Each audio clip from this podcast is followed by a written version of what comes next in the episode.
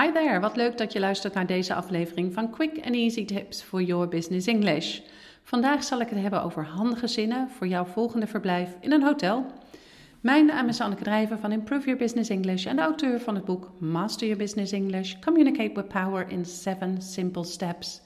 Ik help ondernemers en doelgerichte professionals van een middelbare school Engels af, zodat ze ook internationaal, met impact en vol zelfvertrouwen in het Engels kunnen communiceren.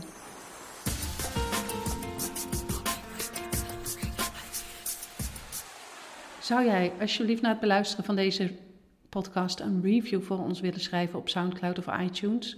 Dit helpt anderen namelijk weer om onze podcast te kunnen vinden en daarmee hun Engels te verbeteren. Misschien is het binnenkort weer tijd voor een zakenreis en kijk je daar enorm tegenop. Ander land en dus proberen te communiceren in het Engels. Of je nu naar Engeland gaat voor je business trip of naar een totaal ander land, de kans is groot dat Engels de voertaal zal zijn. Misschien heb je moeite met het verstaan van de receptionisten of de andere werknemers in het hotel.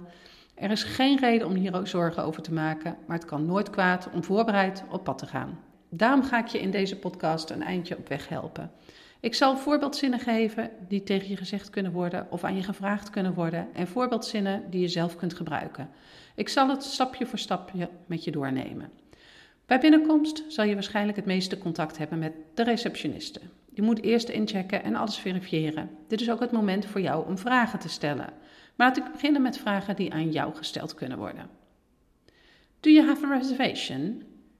May I have your name, please? How long will you be staying? Could I see your ID, please? How many guests are with you? Could you please fill out this form? Do you need help with your bags? Hopelijk spreken deze vragen wel voor zich. Een gesprek met de receptioniste van een hotel begint meestal met What can I do for you? Of uh, Do you have a reservation? Dan is het aan jou om deze vragen te beantwoorden. Wat is je naam? Hoe lang is je verblijf? Dit zijn de algemene zaken die je altijd voor, wel voor jezelf op een rijtje zult hebben.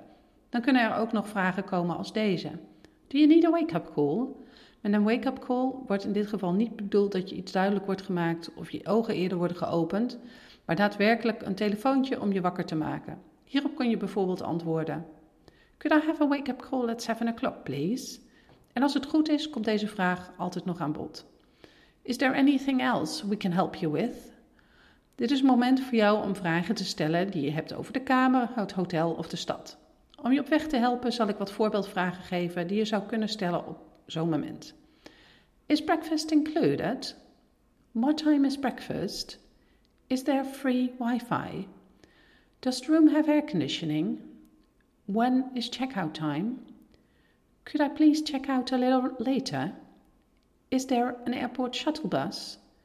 Do I need to pay now or should I pay when I check out? Could you book me a taxi for nine o'clock tomorrow morning? What floor is the restaurant, gym, on? Dan zijn er nog allerlei hotelbegrippen die je van pas kunnen komen. Wat is het verschil tussen fullboard en halfboard? En wat zeg je bijvoorbeeld als je een tweepersoons bed in je kamer wilt hebben? Voor al dit soort specifieke dingen heb je speciale begrippen. Ik zal ze uitleggen en vertellen hoe jij ze kunt toepassen. Fullboard wordt gebruikt voor hotelkamers waar alle maaltijden bij in zitten. Dus je ontbijt, lunch en avondeten. Halfboard spreekt er misschien al een beetje voor zich. Dit zijn hotelkamers waar slechts één maaltijd bij in zit, meestal het ontbijt. Ze worden gebruikt als volgt. You can get a deal with full board for two weeks for less than 500 pounds. You would be able to stay at Hotel X on a half-board basis. Dan heb je ook die verschillende type kamers. Een single room is een hotelkamer voor één persoon. Meestal betekent dit ook dat er een eenpersoonsbed staat. Een hotelkamer voor twee personen, dus met een tweepersoonsbed, noem je een double room. Het wordt soms ook wel een king room genoemd, omdat er dan een king size bed in staat. I'd like a single room, please. We only have double rooms available, I'm afraid. Could I get a king room, please? Daarnaast heb je ook nog de twin room en triple room. Dit zijn kamers met twee of drie eenpersoonsbedden. Zo'n triple room zal je wellicht niet snel tegenkomen in een hotel, maar wel in een hostel.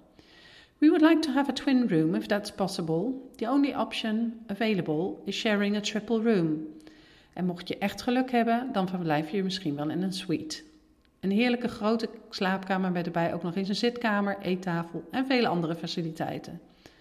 Stay in a bedroom suite here and you'll awake to the most amazing view. En dan heb je ook nog zoiets als een ensuite. Een ensuite is een eigen badkamer die toegankelijk is vanaf je slaapkamer. Soms is het belangrijk om nog extra duidelijk te maken dat je je eigen badkamer wilt, want dat is niet altijd een gegeven. I would like a hotel room with an ensuite bathroom, please. Dan heb ik ook nog twee termen voor bepaald hotelpersoneel die wellicht van pas kunnen komen. De bellboy is de persoon die de lift bedient in grote, meestal chique hotels. Als je dus op- of aanmerking hebt over deze persoon, kun je naar hem refereren als de bellboy. Dan heb je ook nog de persoon die je bagage naar je hotelkamer brengt en je de kamer laat zien.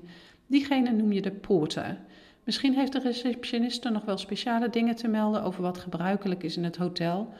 Zoals pets are not allowed in this hotel. There's no smoking allowed inside the rooms. Of more fresh towels are available at the front desk. En dan kan het ook nog eens zijn dat er voor jou niet alles naar wens is. En hoe geef je dit nou op een vriendelijke manier aan?